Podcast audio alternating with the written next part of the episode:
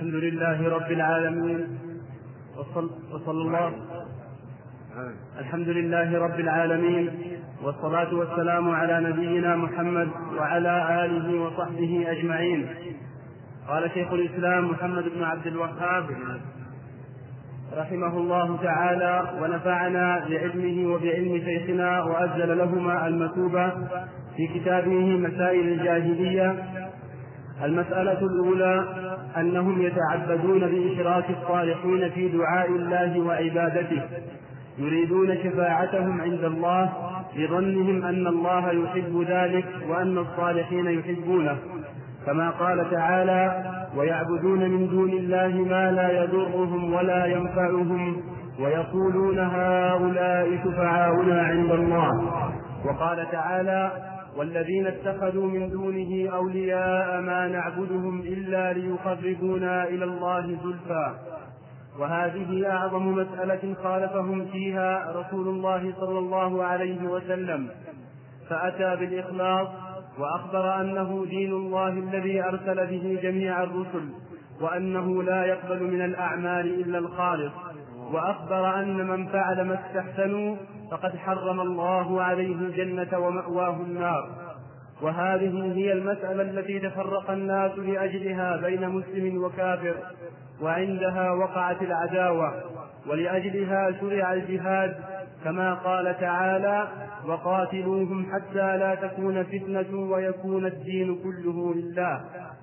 الثانية أنهم متفرقون في دينهم كما قال تعالى كل حزب بما لديهم فرحون وكذلك في دنياهم ويرون أن ذلك هو الصواب.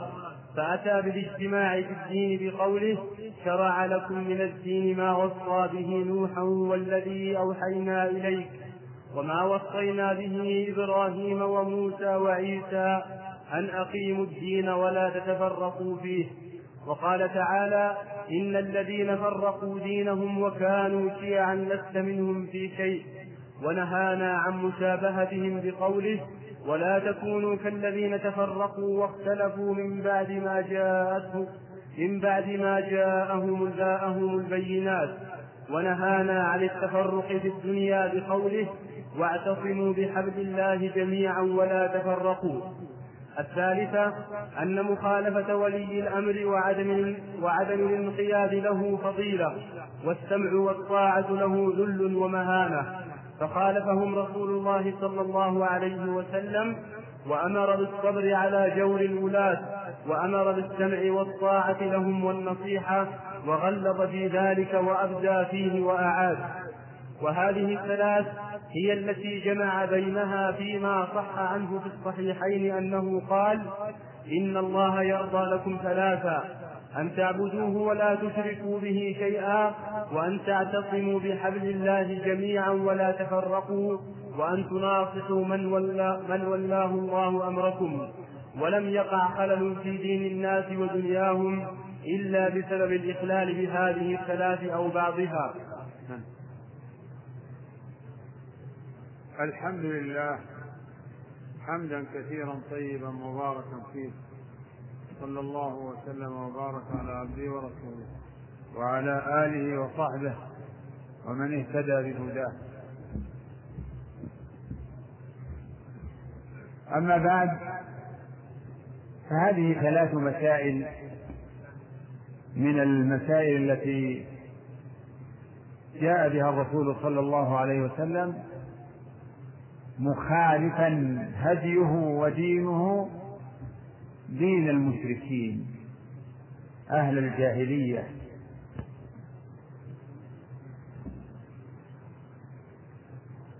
المسألة الأولى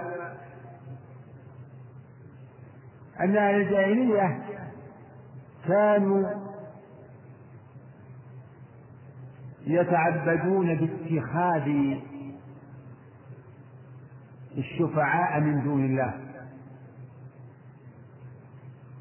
فيعبدون الصالحين الملائكة والأنبياء والصالحين يعبدونهم زاعمين أنهم يقربونهم إلى الله زلفى وظانين أن هذا مرضي لله. ومرضي للصالحين.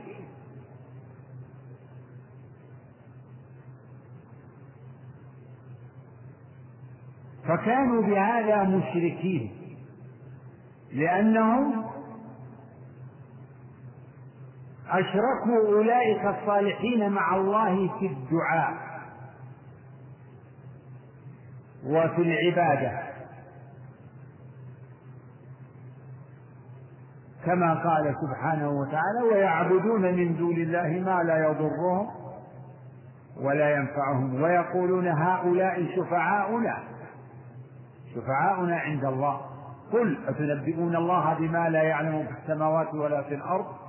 سبحانه وتعالى عما يشركون. فسماهم بهذا الصنيع مشركين. لأنهم عبدوا مع الله غيره.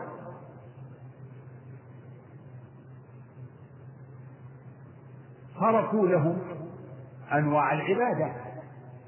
يدعونهم يستغيثون بهم يلجؤون إليهم.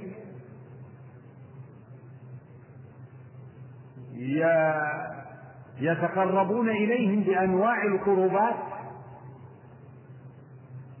طالبين شفاعتهم. وقال سبحانه وتعالى والذين اتخذوا من دونه أولياء ما نعبدهم إلا ليقربونا إلى الله زلفى إذا فهم يعبدونهم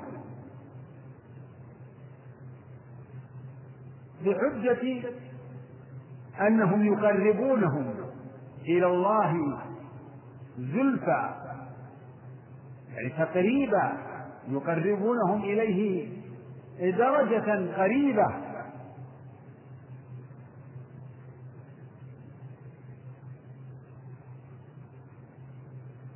وهذا هو وهذا هو الأصل الذي يقوم عليه دينه هذا دين المشركين.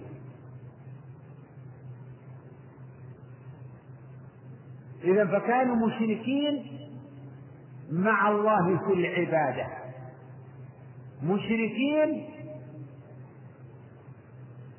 في العبادة. ولم يكونوا يعتقدون أن آلهتهم تشارك الله في الخلق والرزق والتدبير. بل كانوا مقرين بأنه تعالى خالق السماوات والأرض وخالق الناس وخالق كل شيء كما في الآيات الكثيرة قل من يرزقكم من السماء والأرض أم من يملك السمع والأبصار؟ ومن يخرج الحي من الميت ويخرج الميت من الحي ومن يدبر الأمر فسيقولون الله. فقل أفلا تتقون؟ يعني أتغفلون وتعمون فلا تتقون الله؟ بإخلاص العبادة له والتوجه إليه بالعبادة وحده لا شريك له.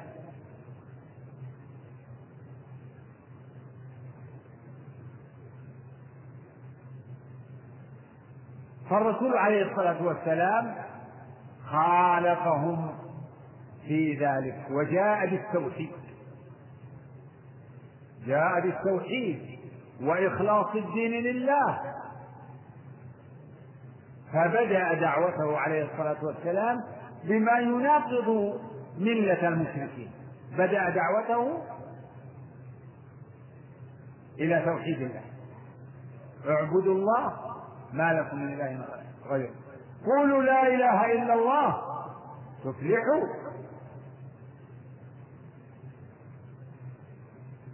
فكان النبي عليه الصلاة والسلام يدعوهم إلى توحيد الله وإخلاص العبادة له وإخلاص الدين له.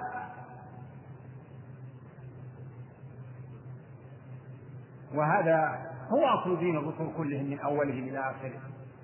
أصل دين الرسل كلهم من أولهم إلى آخره عبادة الله وحده لا شريك له. والشرك الذي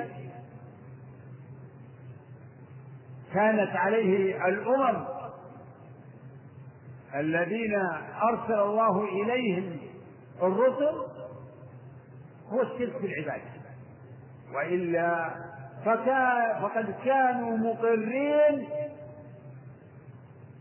بالربوبية لله.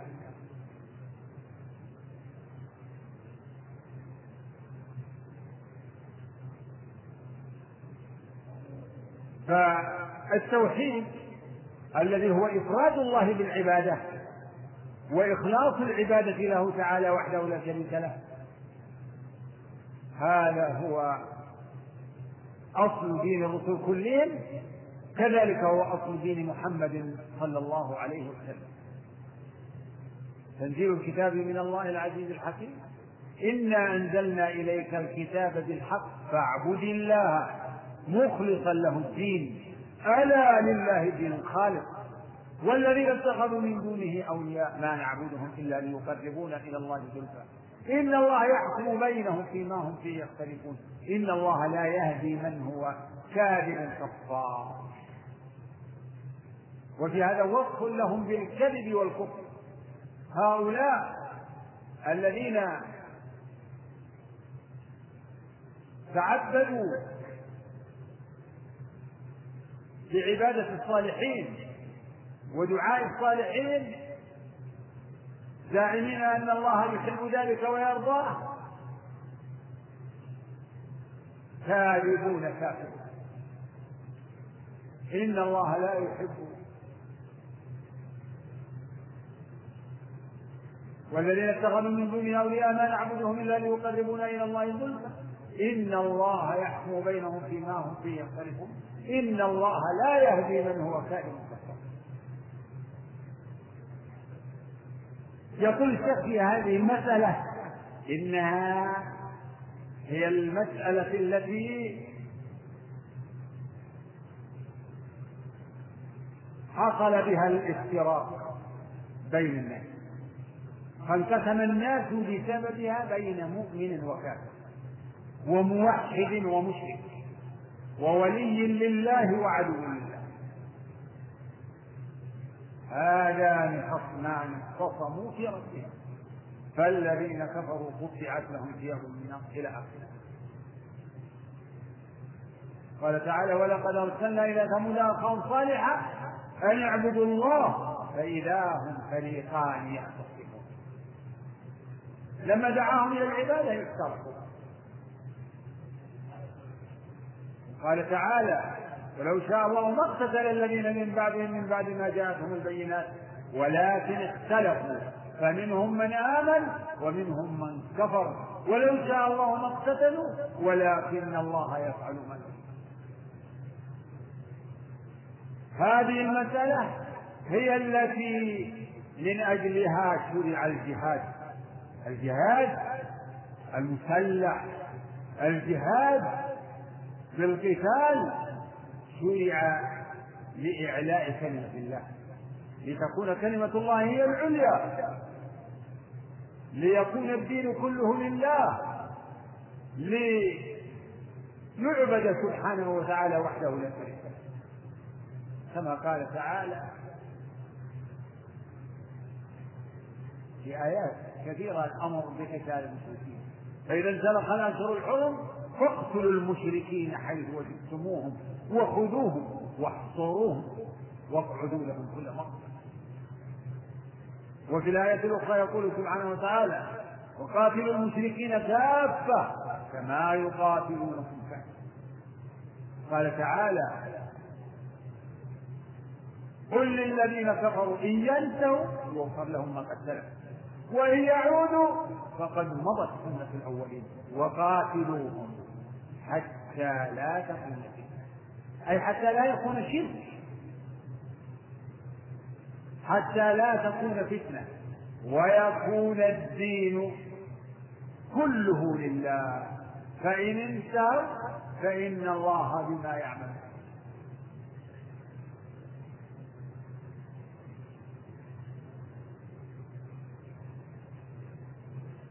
إذا القتال شرع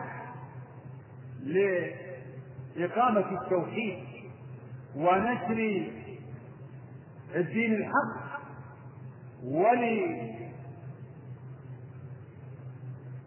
ولدحض الباطل وأهله.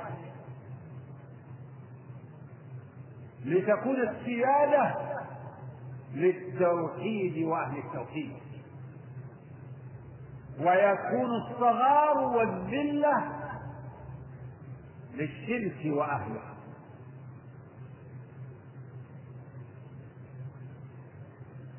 وقال صلى الله عليه وسلم في الحديث الصحيح أمرت أن أقاتل الناس حتى يشهدوا أن لا إله إلا الله وأن محمدا رسول الله ويقيموا الصلاة ويؤتوا الزكاة فإذا فعلوا ذلك. عصموا مني دماءهم وأموالهم. إلا بحق الإسلام وحسابهم. ونظير هذا آية براء فاقتلوا المشركين حيث وجدتموهم وخذوهم واحصنوهم واقعدوا لهم كل مرصد. فإن تابوا يعني من الشرك. فإن تابوا وأقاموا الصلاة وآتوا الزكاة فخلوا سبيلهم. إن الله غفور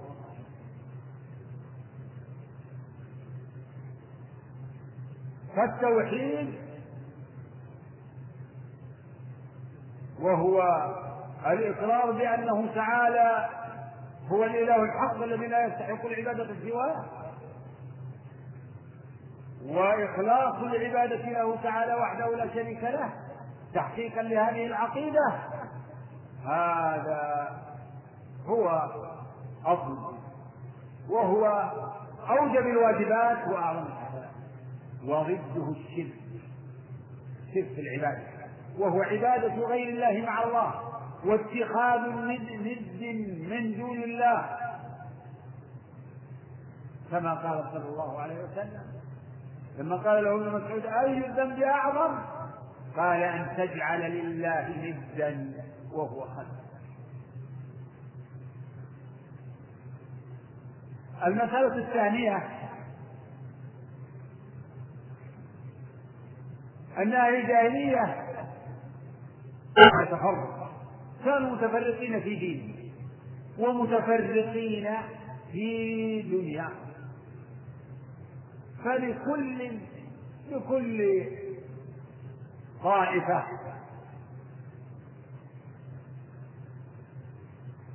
لكل طائفة دين تتدين به. معبود تعبده هؤلاء يعبدون العزة. هؤلاء يعبدون العزة لقريش ومن جاورها اللات لفقير مناة للأوس والخزرج ومن حولهم أصنام أخرى كل كل قبيلة صنم كود وسواع ويغوث ويعوق ونحو. فكانوا متفرقين في دينهم. كما أخبر الله بذلك في قوله. منيبين إليه واتقوه وأقيموا الصلاة. ولا تكونوا من المشركين. من الذين فرقوا دينهم وكانوا شيعا. فرقوا دينهم وكانوا شيعا. كل حزب بما لديهم فرق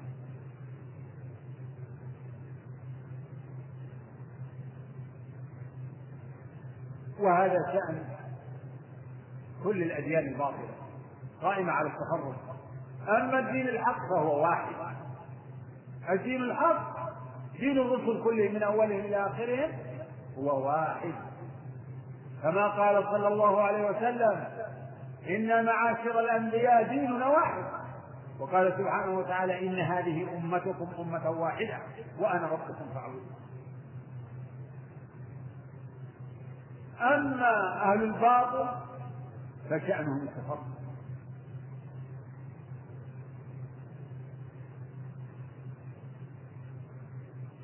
المشركون الوثنيون كل يتخذ كل يعبد ما استحسن وما أملاه عليه هواه وظنه السيء وزينه له شيطانه. هذا يعبد حجرا وهذا شجرا وهذا بقرا وهذا آه، هواء وهذا ماء وهذا يعبد الشمس وهذا يعبد القمر. معبودات لا تحصى منها ما أشير إليه في القرآن ومنها ما هو معروف من واقع الناس. يعرف ذلك من خبر أحوال الناس. فهم متفرقون. لكن يجمعهم الشرك الكفر. هذا قاسم مشترك لكن هم متفرقون متنافرون. كل اتخذ له دينا يوالي عليه ويعادي. أم لهم شركاء؟ شرعوا لهم من الدين. ما لم يأذن به الله وكذلك زين لكثير من المشركين قتل أولادهم شركاؤهم ليردوهم وليلبسوا عليهم دينهم ولو شاء الله ما فعلوه فذرهم وما ومتفرقون في في دنياهم فليس لهم قيادة كل قبيلة تلتف حول نفسها لا يجمعهم. ولا يخضعون أيضا لقياداتهم أو لمعظميهم كما سيأتي فيما ذكره الشيخ من المسائل. ليس لهم ولاية عنه وهذه المسألة تتمثل أكثر ما تتمثل في العرب. وفي نحوهم من الأمم الذين ليس لهم ملوك لا يخضعون لهم ويدينون لهم بالطاعة فهم متفرقون في دنياهم. يأكل القوي منهم الضعيف. العرب كانوا في الجاهلية قبل الإسلام كانت حروب أو رحل حروب دائرة بينهم للضغائن والأحقاد والعداوات ولل... وللأطماع حروب دائرة وأيام ويت... ويتبادلون الأشعار في الافتخار في بالشجاعة وبالتغلب على خصومهم. وتسوغ بينهم العداوة لأسفه الأسباب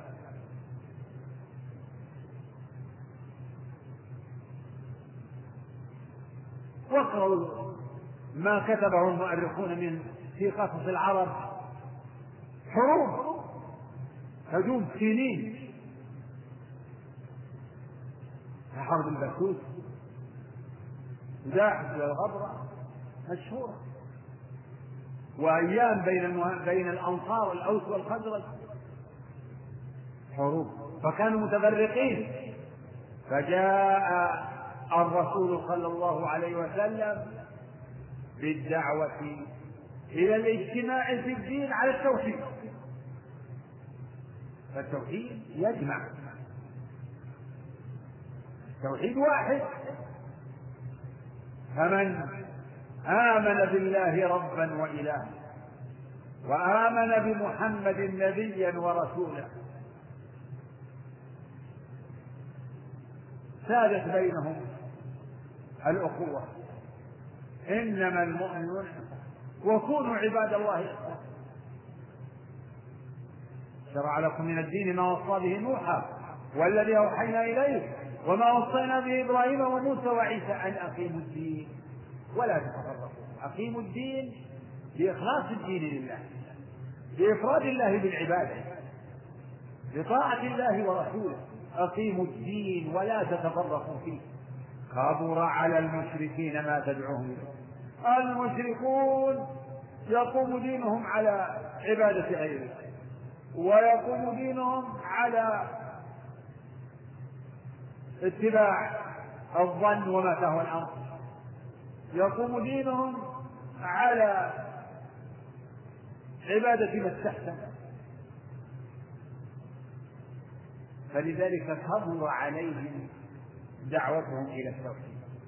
ولهذا لما قال لهم النبي عليه الصلاة والسلام قولوا لا إله إلا الله. تفلحوا قالوا أجعل الآلهة إلها واحدا. إن هذا لشيء قال الكافرون هذا ساحر كذاب. أجعل الآلهة إلها واحدا إن هذا لشيء عجاب. وانطلق الملأ منهم أن امشوا واصبروا على آلهتكم. يوصي بعضهم بعضا بالصبر على دينهم. الدين الباطل. اللهم أرنا الحق حقا وأرنا الباطل باطلا وارزقنا اجتنابه. ولا تجعله ملتبسا علينا فنتبعه. سبحان الله. يتواصون بالتصميم على الدين الباطل الذي يعرف مفكروهم أنه باطل وأن ما جاء به محمد صلى الله عليه وسلم هو الحق. قد نعلم إنه لا يحزنك الذي يقولون فإنهم لا يكذبونك ولكن الظالمين بايات الله فذم الله المشركين بالتفرق. وآمر الله عباده المؤمنين بالاجتماع. اجتماع على الحق على الدين الحق على التوحيد. وقال سبحانه وتعالى ولا تكونوا كالذين تفرقوا ولا تكونوا كالذين تفرقوا. وكانوا شيعا فلا تكونوا كالذين تفرقوا. الآية واختلفوا من بعد ما جاءهم. البينات.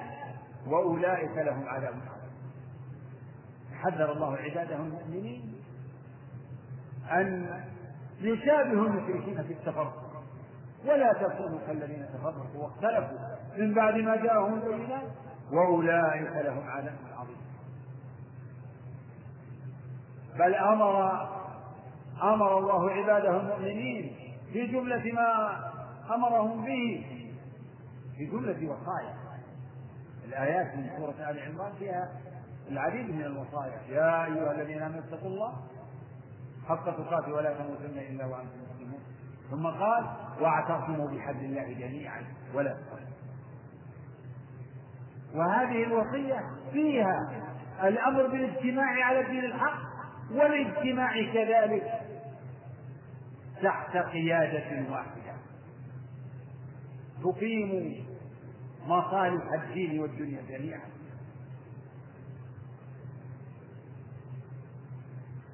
والافتراق معناه الاختلاف والتعادي والتباغض والتنافر الذي ينتهي إلى الحرب إلى الحرب إلى الاقتتال واعتصموا بحبل الله جميعا ولا تفرقوا واذكروا نعمة الله عليكم. إذ كنتم أعداء فألف بين قلوبكم فأصبحتم بنعمته إخوانا فكان الأوس والخزرج أعداء وهم ينتمون إلى أصل واحد وأب واحد. فلما جاءهم الله بالإسلام على يد محمد صلى الله عليه وسلم ألف الله بين قلوبهم بسبب محمد عليه الصلاة والسلام بدعوته المباركة.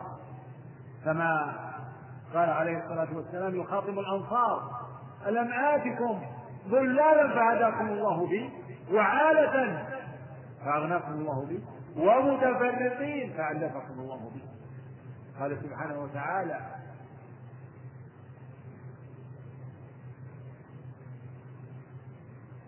وإن يخدعوك فإن حسب وإن يريدوا أن يخدعوك فإن حسبك الله. هو الذي أيدك بنصره وبالمؤمنين وألف بين قلوبهم. لو أنفقت ما في الأرض جميعا ما ألفت بين قلوبهم ولكن الله ألف بينهم. إنه عزيز. فأمر الله بالاجتماع على الدين الحق وبالاجتماع تحت قيادة تحت قيادة لتقيم مصالح الدين والدنيا جميعا.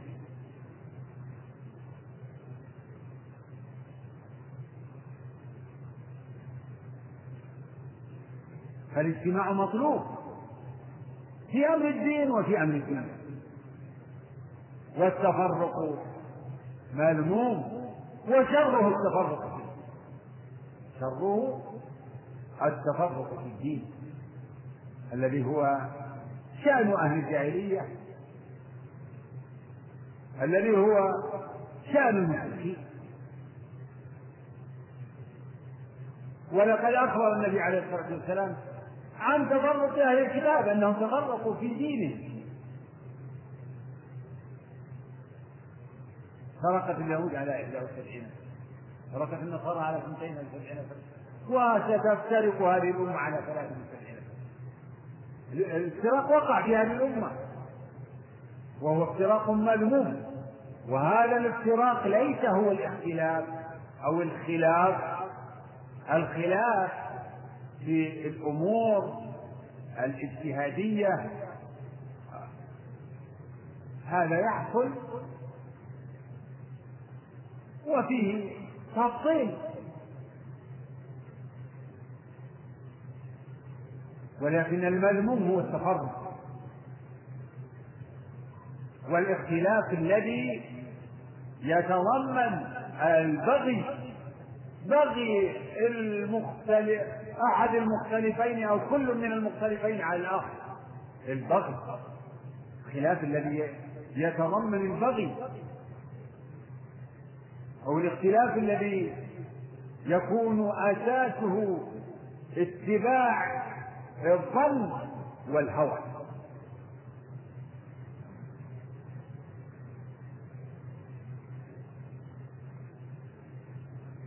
وقد عصم الله سبحانه وتعالى أهل السنة والجماعة الذين اقتفوا أثر نبيهم وصحبه الكرام عصمهم من وصمة التفرق.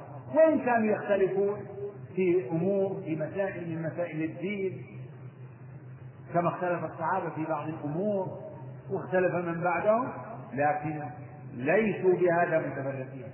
فلا تعادي ولا تباغض. ولا تناقض ولا بغي من بعضهم على بعض.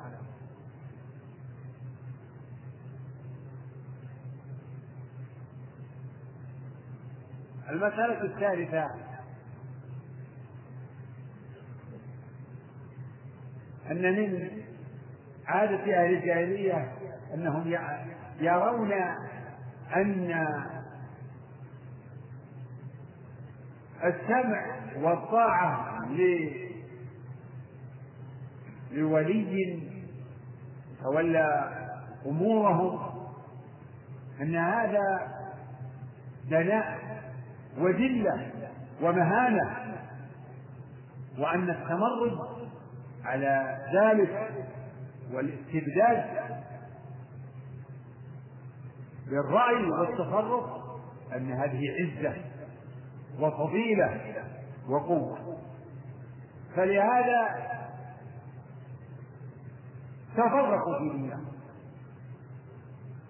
هذه من أسباب المسألة التي قبلها مسألة التفرق في الدنيا من أسبابها الأنف من السمع والطاعة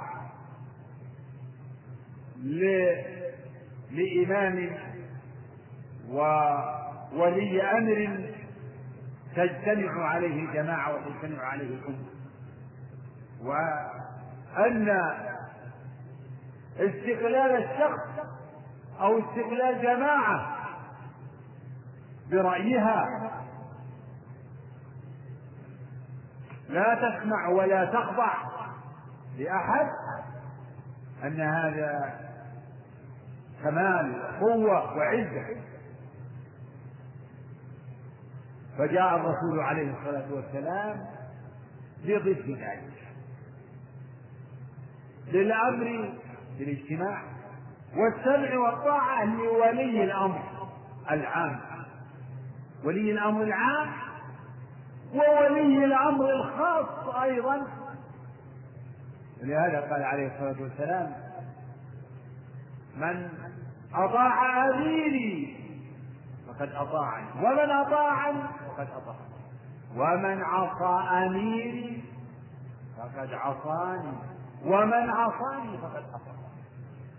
قال سبحانه وتعالى يا أيها الذين آمنوا أطيعوا الله وأطيعوا الرسول وأولي الأمر منكم. وجاء في السنة أحاديث كثيرة تتضمن الأمر بالسمع والطاعة لولي الأمر. على المرء المسلم السمع والطاعة. ما لم يؤمر بالمعصية فإن أمر بالمعصية فلا سمع ولا طاعة. وثبت عنه عليه الصلاة والسلام أنه قال ألا من ولي عليه وال فرآه يأتي من معصية الله أو يأتي معصية الله فليكره ما يأتي من معصية الله. ولا ينزعن يدا من طاعة وقال صلى الله عليه وسلم من رأى من أميره شيئا يكره فليصبر عليه. ولا ينزعن يدا من طاعة فإنه من فارق الجماعة شبرا فمات مات ميتة الجاهلية أو كما قال عليه الصلاة والسلام. والأحاديث في هذا كثيرة. ومن أصول أهل السنة. السمع والطاعة لولي الأمر من المسلمين والنصيحة له بالدعاء ومحبة الخير ومحبة صلاح الحال. الدعاء له بصلاح الحال وصلاح البطانة والتوفيق للخير. فهذا من أصول أهل السنة والجماعة. وهذا الأصل يخالف ما كان عليه أهل الجاهلية. وقد شابه أهل الجاهلية بعض فرق الضلال من هذه الأمة كالمعتزلة الذين من أصولهم الأمر بالمعروف والنهي عن المنكر. ويدخلون في هذا الأصل الخروج على الأئمة بحجة بحجة إنكار المنكر. يرون الخروج على الأئمة بحجة إنكار المنكر. وهذا يناقض ما جاء به الرسول عليه الصلاة والسلام وما أوصى به وما أكده فقد أوصى بالصبر على جور الأئمة. وما يحصل منهم من ظلم ومعصية. لا رضا بالظلم ولا بالمعصية لكنه درء الفساد وتحصيل المصالح وتقديرها بحسب الإنسان الظلم ظلمات يوم القيامة والمعاصي توجب ما توجب من عذاب الله وسخطه فلا فليس هذا إقرارا للظلم ولا إقرارا للمنكر. لكن إنكار المنكر يقوم على قاعدة شرعية عقلية وهي احتمال أدنى المفسدتين لدفع أعلاهما. وتحصيل أو تفويت أدنى المصلحتين لتحصيل احتمال أدنى المفسدتين لدفع أعلاهما وتفويت أدنى المصلحتين لتحصيل أعلى يقول الشيخ في ختام هذه المسائل إن الرسول صلى الله عليه وسلم قد جمع بينها في الحديث المتفق على صحته. من حديث المغيرة بن شعبة رضي الله عنه. ومنه قوله صلى الله عليه وسلم إن الله يرضى لكم ثلاثة أن تعبدوه ولا تشركوا به. هذه المسألة الأولى. وأن تعتصموا بحبل الله جميعا ولا تفرقوا. هذه الثانية. وأن تناصحوا من والله الله. تناصحوه بالتذكير والإرشاد. وتناصحوه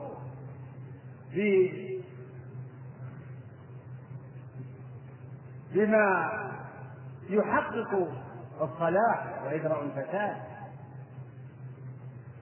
وهذه المناصحة تنم عن النصيحة والنصيحة كلمة الجامعة هي دين الله كما قال صلى الله عليه وسلم الدين النصيحة. قلنا لمن يا رسول الله؟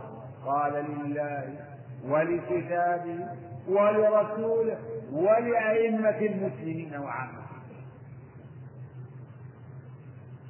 ففي يقول الشيخ رحمه الله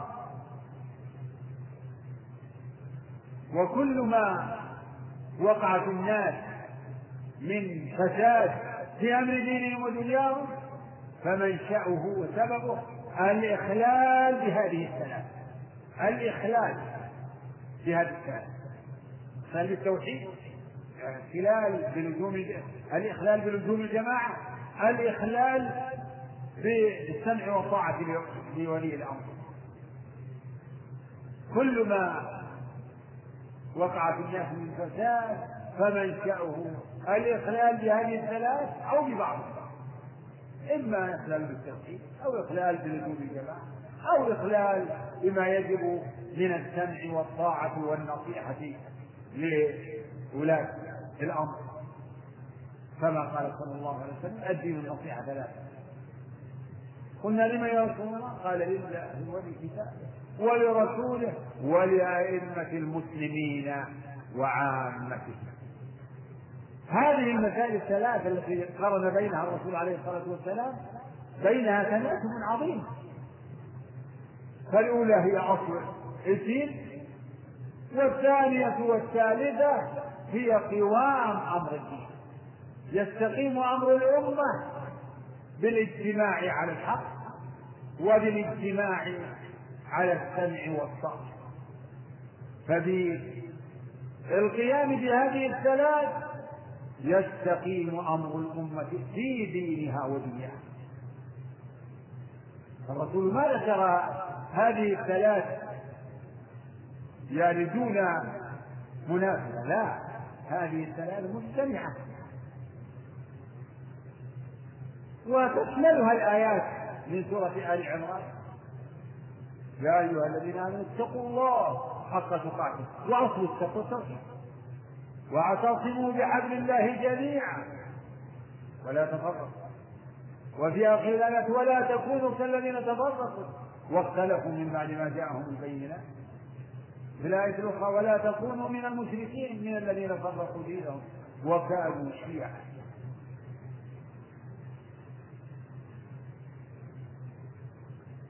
لا إله نعم. الرابعة أن دينهم مبني على أصول أعظمها التقليد فهو القاعدة الكبرى لجميع الكفار أولهم وآخرهم. كما قال تعالى وكذلك ما أرسلنا من قبلك في قرية من نذير إلا قال مترفوها إلا قال مترفوها إنا وجدنا آباءنا على أمة وإنا وإنا على آثارهم مقتدون. وقال تعالى وإذا قيل لهم اتبعوا ما أنزل الله قالوا قالوا بل نتبع ما وجدنا عليه آباءنا أولو كان الشيطان يدعوهم إلى عذاب السعير فأتاهم بقوله قل إنما أعظكم وإذا قيل لهم اتبعوا ما أنزل الله قالوا بل نتبع ما وجدنا عليه آباءنا. ألفينا خطأ. خطأ. ما وجدنا. الصواب. الصواب وجدنا. كما عندنا نعم. هذا وجدنا. وإذا هذا في سورة البقرة. نعم. نعم. وإذا قيل لهم اتبعوا ما أنزل الله قالوا بل نتبع ما وجدنا عليه آباءنا. أولو كان الشيطان يدعوهم إلى عذاب السعير. فأتاهم بقوله قل إنما أعظكم بواحدة أن تقوموا لله مثنى وفرادا ثم تتفكروا ما بصاحبكم ما بصاحبكم من جنة. الآية وقوله اتبعوا ما أنزل إليكم من ربكم ولا تتبعوا من دونه أولياء قليلا ما تذكرون. الخامسة أن من أكبر قواعدهم الاغترار بالأكثر ويحتجون به على صحة الشيء ويستدلون على بطلان الشيء بغربته وقلة أهله فأتاهم بضد ذلك وأوضحه في غير موضع من القرآن. السادسة الاحتجاج بالمتقدمين كقوله نعم. كقوله فما بال القرون الأولى ما سمعنا بهذا في آبائنا الأولين. السابعة الاستدلال بقوم أعطوا قوى الرابع والخامس هذه أيضا ثلاث مسائل. مما خالف فيه الرسول صلى الله عليه وسلم ما عليه أهل الجاهلية. الأولى أن دين المشركين أهل الجاهلية مبني على أصول. أصول واهية. ليست أصول قوية. ثابتة. حقها لا أصول واهية.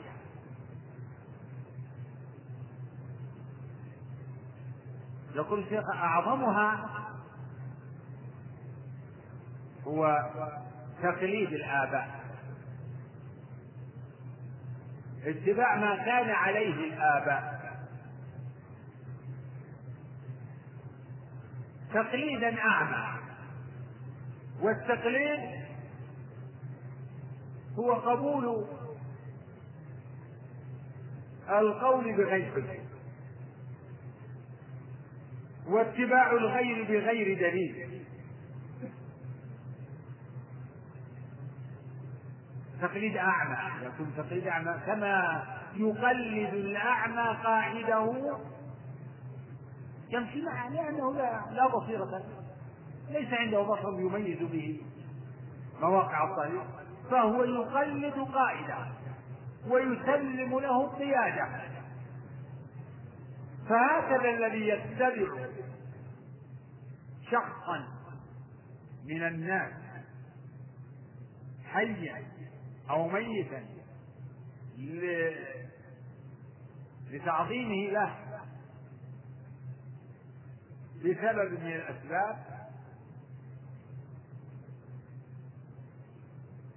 قد انخلع من نعمة العقل وسلم قياده لغيره. لا يفكر.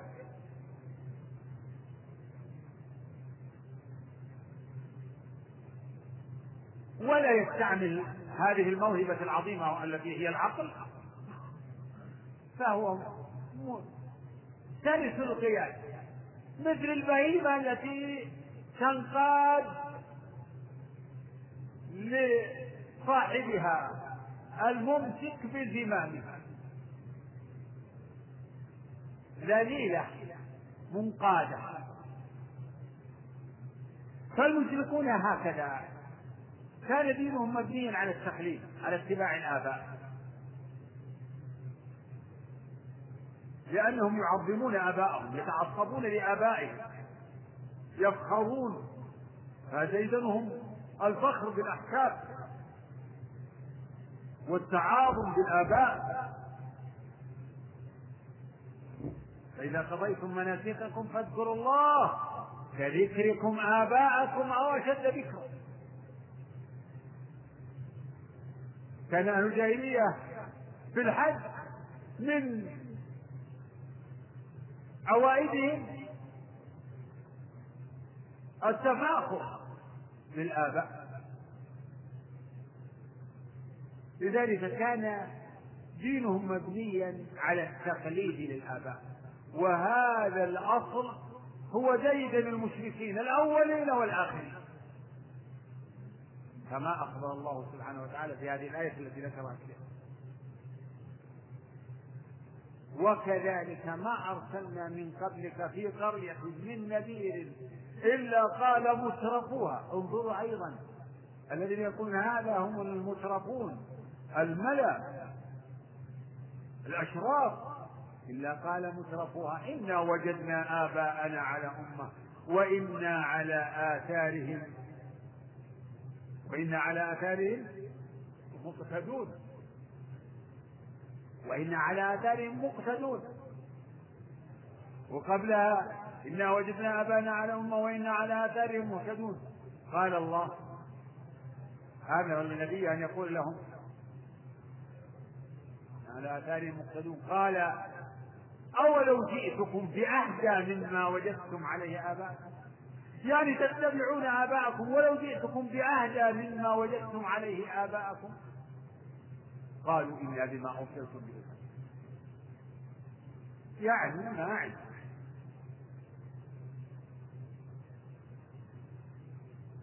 فلا يفكرون فيما جاء به الرسول عليه الصلاة والسلام. وإن فكروا لم ينقادوا تعصبا وإصرارا على الباطل. وفي الآية الأخرى وإذا قيل لهم اتبعوا ما أنزل الله وإذا قيل لهم اتبعوا ما أنزل الله قالوا بل نتبع ما وجدنا عليه آباءنا. نتبع ما كان عليه الآباء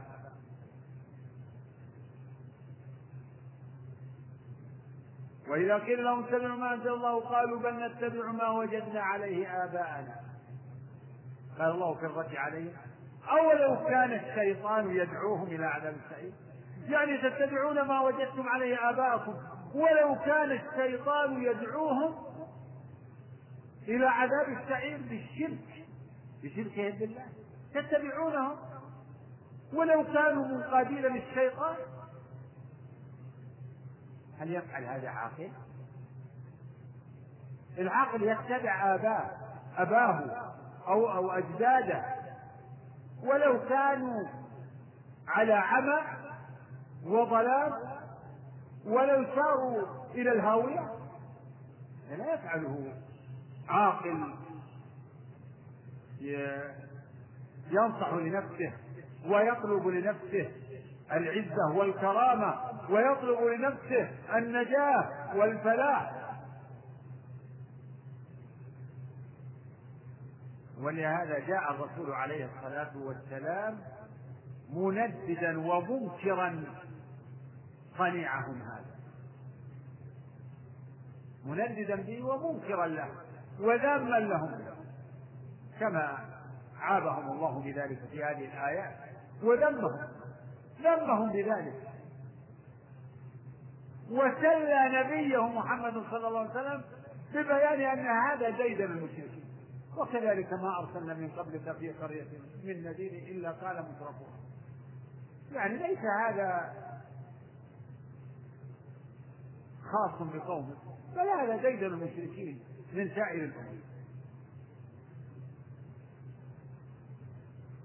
فجاء الرسول عليه الصلاة والسلام بقوله تعالى قل إنما أعظكم بواحدة أن تقوموا لله مثنى وفرادا ثم تتفكروا جاء جاء بالأمر بالتفكير بالتفكر تفكروا لا تقلدوا الآباء والأجداد من غير روية. ومن غير تفكير فكروا. قوموا أفرادا وجماعات. قل إنما أعظكم بواحد أن تقوموا لله مثنى وفرادا ثم تتفكروا. فكروا في هذا الرسول الذي جاءكم. هل هو كما تقولون إنه مجنون؟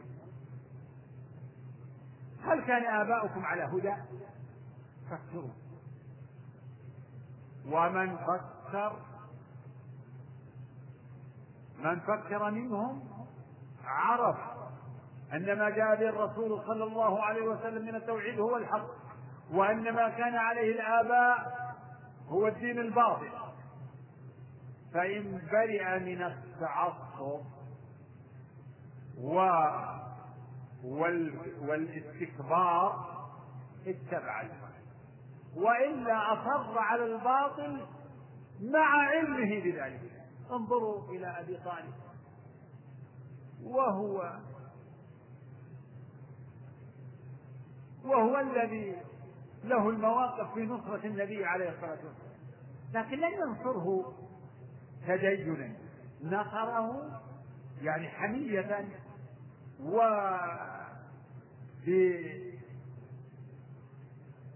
بدافع القرابة والحنان.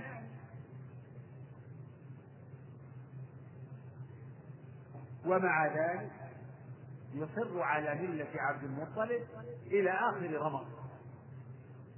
مع أنه القائل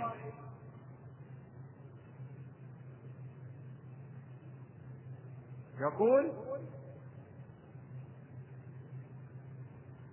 ولقد علمت بأن دين محمد من خير أديان البرية دين لولا الملامة أو حبال مسبة لرأيتني سمحا بذاك مبين يقر بقلبه وبلسانه أن دين الرسول عليه الصلاة والسلام هو هو الحق وأنه الصادق.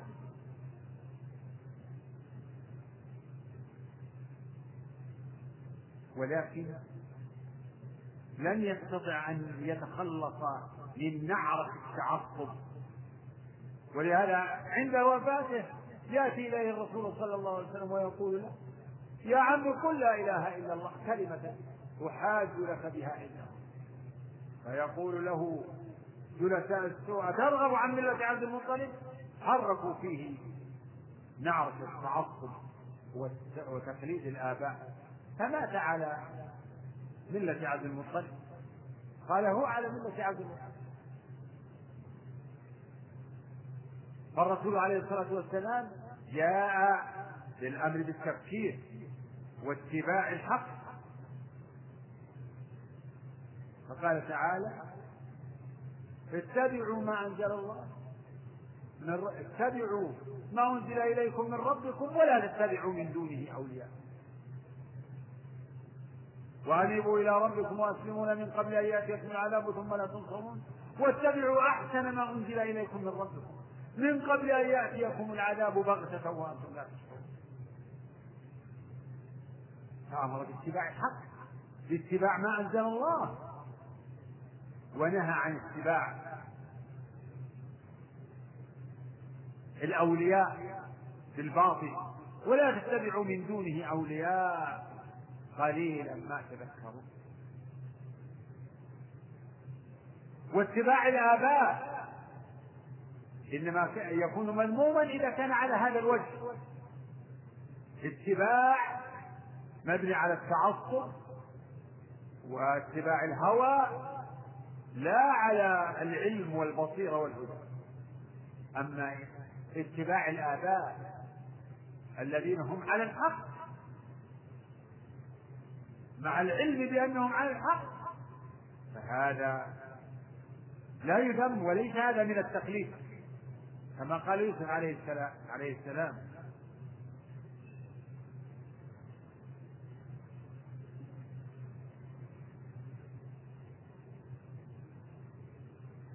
يقول واتبعت ملة هذا الشاهد واتبعت ملة آبائي واتبعت ملة آبائي إبراهيم وإسحاق ويعقوب.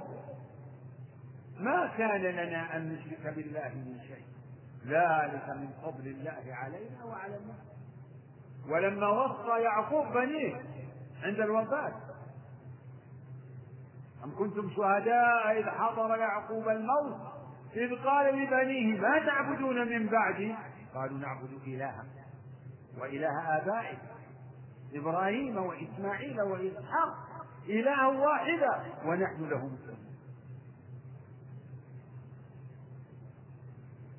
هذا اتباع على الحق اتباع على ما قام الدليل على صحته وأنه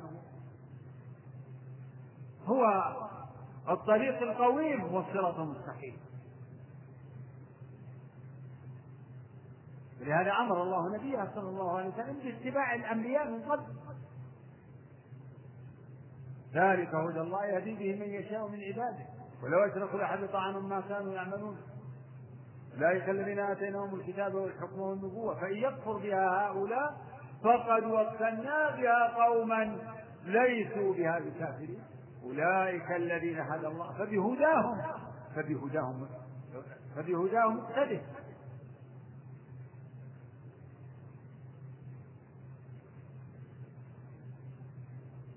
فالرسول عليه الصلاة والسلام خالف المشركين في هذا الأصل الباطل الذي بنوا عليه دينهم وهو الشرك بالله. فأمر بالتفكير لا بالتقليد. التقليد ليس معه تفكير ولا طلب حجة ولا سؤال. هو تقليد أعلى هو تبعية محضة.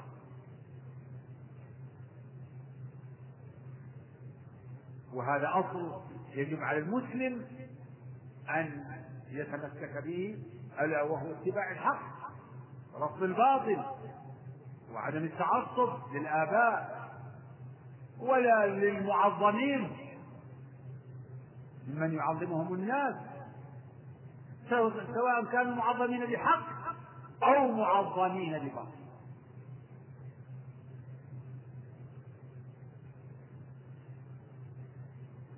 ولعله لعل نكتفي اليوم هذه الكلام على هذه المسألة. وإن كان بينه وبين الثالثة والرابعة أو الرابعة الخامسة والثالثة تناسب لكن إن شاء الله نواصل. هذا وصلى الله وسلم وبارك على عبده ورسوله.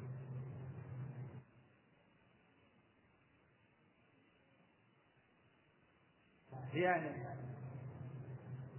فمثل فحفظ مثلا كتاب التوحيد العقيدة الواسطية حفظ مثل هذا المختصر فيما في وهو مسائل الجاهلية حفظ الأصول الثلاثة حفظ بلوغ المرام في الحديث عمدة الأحكام. هذه مؤلفات ألفها العلماء يعني لصغار طلبة العلم ومتوسطين فالله الله بالحفظ احفظوا الذي لم يحفظ كيف يستطيع أن يستشهد؟ كيف يستطيع أن يستدل؟ وين استدل؟ تجده يعني يتلكلك ويتلجلج وقد يخطئ في ذكر النص الحفظ الحفظ لكن من رام الحفظ فالحفظ له يحتاج إلى جهد يحتاج إلى جهد مسبق وهو ما يبذل لتحصيل المحفوظ ثم يحتاج إلى حفظ إلى جهد في تثبيته وبقائه وهو التعهد أن يتعهد القرآن هو أعظم وأولى وأعظم ما يحفظ. يحتاج إلى جهد في حفظه ثم يحتاج إلى جهد في بقائه وهو التعافي نعم. فاحفظوا احفظوا. احفظوا لتكونوا حفاظا فاهمين. حفظ وفهم إن شاء الله. نعم. يقول السائل لقد جاءني رجل من خارج هذه الجزيرة